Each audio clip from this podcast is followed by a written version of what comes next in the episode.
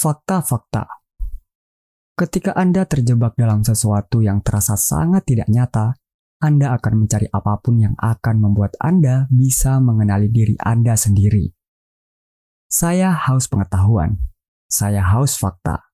Saya mencarinya seperti mencari pelampung di tengah laut. Tapi, data statistik kadang bisa mengecoh. Hal-hal yang berlangsung dalam benak seringnya bisa disembunyikan. Memang, ketika saya pertama kali sakit, saya menghabiskan begitu banyak energi untuk terlihat normal. Kebanyakan orang biasanya hanya tahu kalau seseorang sedang sakit kalau orang itu sendiri yang bilang.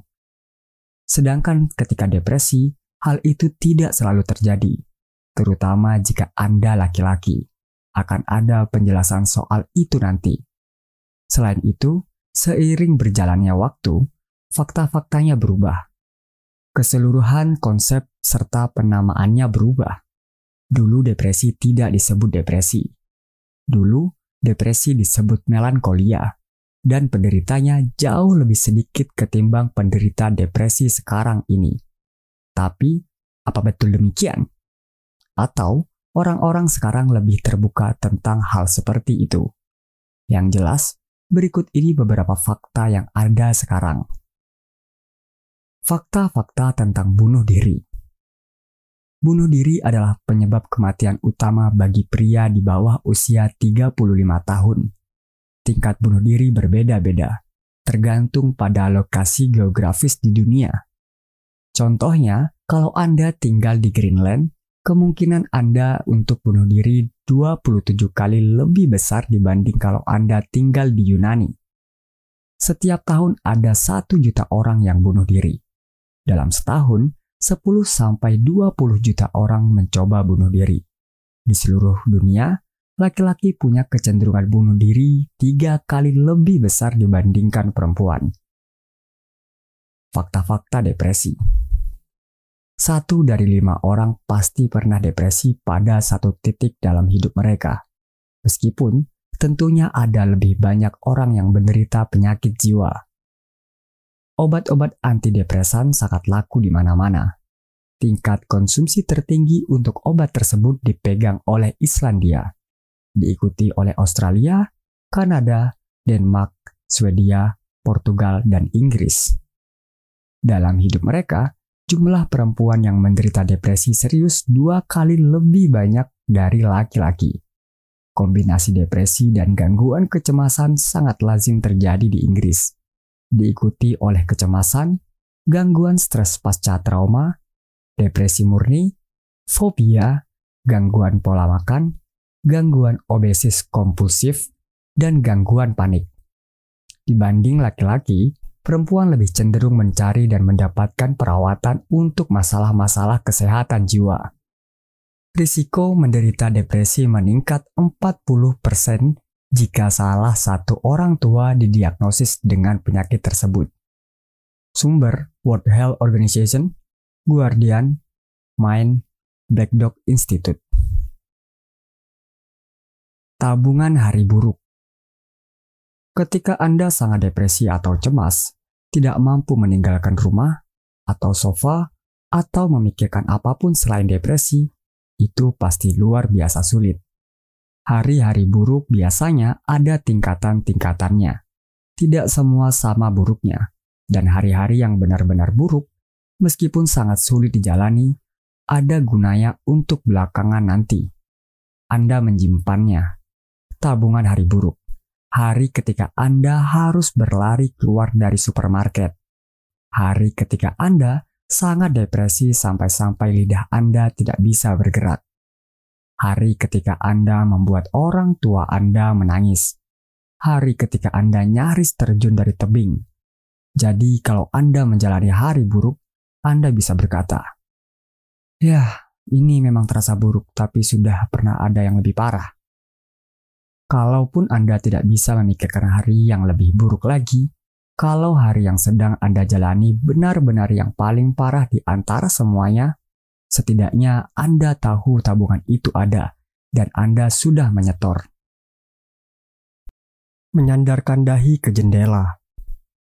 Saya berada di kamar orang tua saya, sendirian. Sepertinya Andrea sedang berada di lantai bawah. Yang jelas, dia tidak bersama saya.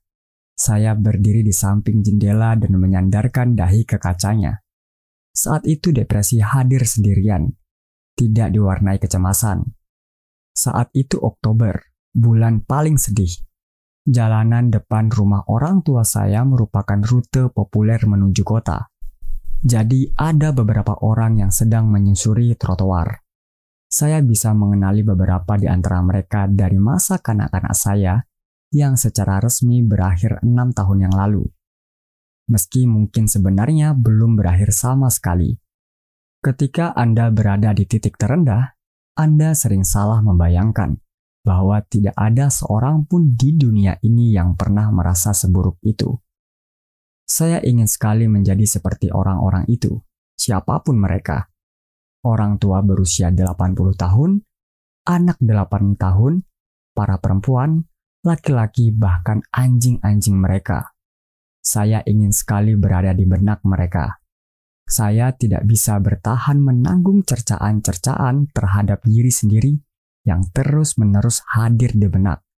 Sama seperti saya tidak tahan meletakkan tangan di atas kompor menyala ketika saya bisa melihat ada ember-ember berisi es batu di sekeliling saya. Saya merasa sangat lelah karena tidak pernah menemukan tempat yang menghibur untuk pikiran saya. Saya lelah karena setiap pikiran positif yang timbul pasti langsung menemui jalan buntu. Saya menangis. Saya memang bukan tipe laki-laki yang takut mengeluarkan air mata. Demi Tuhan, saya ini penggemar The Cure. Saya sudah menjadi emo bahkan sebelum istilah itu mengemuka. Anehnya, sekalipun sangat parah, depresi tidak pernah membuat saya menangis. Saya rasa itu karena apa yang saya rasakan tidak terasa nyata. Terasa jauh. Air mata adalah semacam bahasa, dan saya merasa semua bahasa sangat jauh dari saya. Saya lebih hina dari air mata. Air mata biasanya menetes di tempat penyucian. Kalau Anda sudah di neraka, semuanya sudah terlambat. Air mata hangus menguap sebelum sempat menetes. Tapi sekarang air mata saya tumpah. Bukan air mata normal, bukan yang merebak di pelupuk mata, bukan. Air mata ini datang dari dalam, muncul jauh dari kedalaman diri sampai perut saya bergetar. Bendungan saya jebol dan sekali air mata itu membanjir, tidak ada yang bisa membuatnya berhenti. Bahkan ketika ayah saya masuk ke kamar tidur. Dad menatap saya dan tidak bisa memahami apa yang terjadi. Meskipun semua itu sudah biasa baginya. Ibu saya pernah menderita depresi pasca melahirkan. Dad menghampiri saya, menatap wajah saya, dan air mata itu menular. Kedua matanya ikut memerah dan berkaca-kaca. Saya tidak ingat kapan terakhir sekali saya melihat ayah saya menangis. Awalnya, Dad tidak berkata apa-apa, tapi dia memeluk saya dan saya merasa disayangi. Saya berusaha mengumpulkan rasa sayang itu sebanyak mungkin. Saya membutuhkan semuanya. Aku minta maaf. Seingat saya, itu yang saya katakan. Ayolah, kata ayah saya dengan lembut. Kau pasti bisa, ayolah, kau pasti bisa bangkit. Meti, kau harus bangkit. Ayah saya bukanlah ayah yang keras. Dad lembut, penuh perhatian dan cerdas. Tapi beliau tetap tidak punya kemampuan ajaib untuk melihat isi benak saya. Dad tentu saja benar dan bagi saya, kata-katanya cukup tapi dia sama sekali tidak tahu betapa sulitnya menjalankan kata-katanya barusan. Bangkit. Tidak seorang pun mengerti. Dari luar, orang hanya melihat tubuh fisik, sekumpulan massa atom dan sel. Namun dalam diri Anda, Anda merasa bagai telah menjadi ledakan besar. Anda merasa tersesat, terbuai, tersebar ke seluruh semesta, di tengah kegelapan yang membentang luas tak terhingga. Aku akan mencoba, Dad. Aku akan mencoba. Itu kata-kata yang ingin dia dengar. Jadi saya mengatakannya. Lalu saya kembali menatap keluar, menatap bayang-bayang masa kanak-kanak saya. Masa kanak-kanak yang lumayan normal. Apakah sakit jiwa muncul begitu saja atau memang sudah ada sejak lama? Menurut WHO, hampir separuh dari seluruh penyakit jiwa sudah muncul dalam taraf tertentu sebelum usia 14 tahun. Ketika saya mulai sakit pada usia 24 tahun, penyakit itu terasa begitu baru dan hadir tiba-tiba. Masa kanak-kanak yang saya tadinya lumayan normal dan biasa. Tapi, saya tidak pernah betul-betul merasa normal. Memangnya ada yang begitu? Saya biasanya merasa cemas, sudah biasa bagi saya pada usia 10 tahun untuk berdiri di tangga dan bertanya kepada pengasuh apakah saya bisa tetap bersamanya sampai orang tua saya pulang. Saya pasti menangis. Pengasuh saya baik. Gadis itu membiarkan saya duduk dengannya. Saya sangat menyukainya. Aromanya seperti vanila dan ia sering mengenakan kaos yang kebesaran. Namanya Jenny. Jenny si pengasuh yang tinggal di ujung jalan. Sekitar satu dekade kemudian, gadis itu berubah menjadi Jenny Sheffield, bintang breed art yang terkenal karena lukisan-lukisan perempuan telanjang berukuran besar. Apakah menurutmu orang tuaku akan segera pulang? Ya, kata Jenny sabar. Tentu saja, mereka hanya pergi 2 km dari sini. Itu tidak akan jauh. Saya tahu tapi saya juga tahu orang tua saya bisa saja dirampok, atau terbunuh, atau dimakan anjing buas. Tentu saja itu tidak terjadi. Sama sekali tidak ada penghuni New York on Trend yang dimakan anjing-anjing buas pada Sabtu malam. Mereka selalu pulang, tapi sepanjang masa kecil saya, saya terus-menerus bertingkah seperti itu. Tanpa sadar, saya sudah mengajari diri saya sendiri untuk menjadi cemas dalam dunia dengan kemungkinan-kemungkinan yang tak terbatas, kemungkinan-kemungkinan untuk merasakan sakit, kehilangan, serta perpisahan selamanya juga tidak terbatas. Ketakutan melahirkan imajinasi, begitu juga sebaliknya, terus, terus, dan terus sampai tidak ada lagi yang tersisa selain menjadi gila. Lalu ada pengalaman lain, sedikit tidak biasa, tapi mirip. Waktu itu saya berusia 13 tahun. Teman saya dan saya mendekati anak-anak perempuan yang sebaya dengan kami di lapangan sekolah. Kami duduk. Salah seorang perempuan yang setengah mati saya taksir menatap saya, lalu membuat ekspresi jijik di depan teman-temannya. Lalu anak perempuan itu mengucapkan kata-kata yang masih saya ingat 26 tahun kemudian. Saat saya menuliskannya dalam sebuah buku, Anak perempuan itu berkata, Ih, aku tidak mau duduk di sebelah itu. Ada kaki laba-laba di wajahnya. Anak itu kemudian menjelaskan maksudnya, sementara tanah menolak menelan saya. Bulu-bulu yang tumbuh dari tahi lalat timbulnya itu kelihatan seperti laba-laba. Sekitar pukul 5 sore itu, saya masuk kamar mandi di rumah dan menggunakan pisau cukur ayah untuk mencukur bulu-bulu di tahi lalat timbul saya. Saya menatap wajah saya dan membencinya. Saya menatap dua tahi lalat timbul yang paling ketara di wajah saya.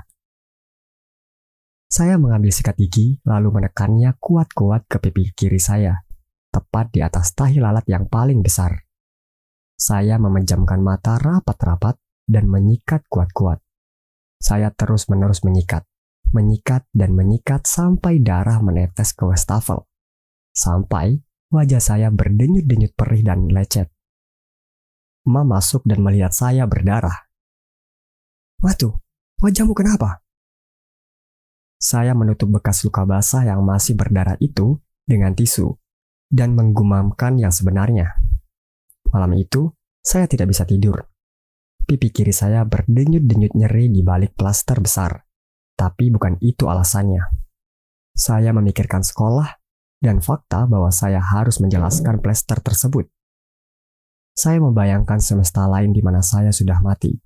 Di sana, anak perempuan itu akan mendengar bahwa saya sudah mati, lalu menangis karena rasa bersalah.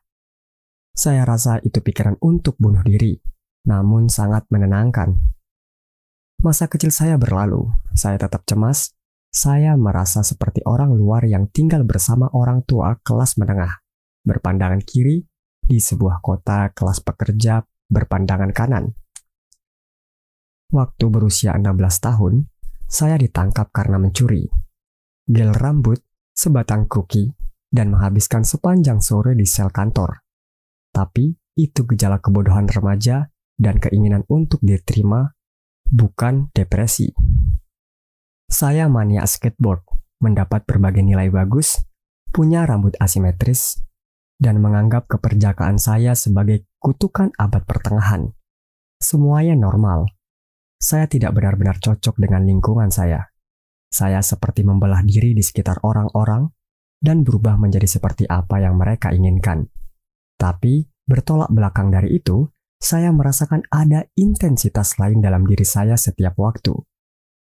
Saya tidak tahu apa itu, tapi intensitas itu terus menebak, bagai air di balik bendungan. Belakangan, saat saya benar-benar depresi dan cemas, saya menganggap penyakit itu sebagai akumulasi dari semua intensitas yang tidak terpenuhi. Semacam pendobrakan.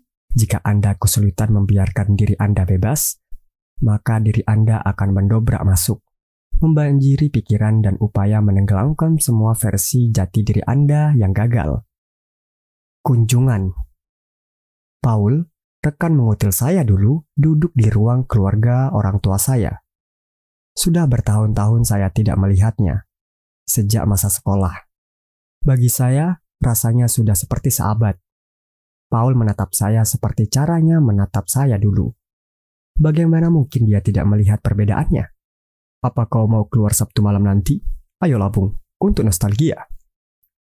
Itu ide konyol. Saya tidak mungkin meninggalkan rumah tanpa perasaan tertekan. Aku tidak bisa. Apa masalahnya? Aku kurang sehat, kepalaku agak pening. Makanya aku harus keluar, apalagi kalau kau sedang sedih. Ajak Andrea juga, ayolah kawan. Paul, kau tidak mengerti. Saya terjebak dalam penjara, bertahun-tahun sebelumnya setelah menghabiskan beberapa jam di sel kantor polisi karena sebatang krunki. Saya sering sekali merasa takut akan terkunci di beberapa tempat. Saya baru sadar bahwa kita juga bisa terkunci dalam benak kita sendiri. Bersikaplah seperti pria sejati. Saya membatin, meski saya tidak terlalu pandai melakukan itu.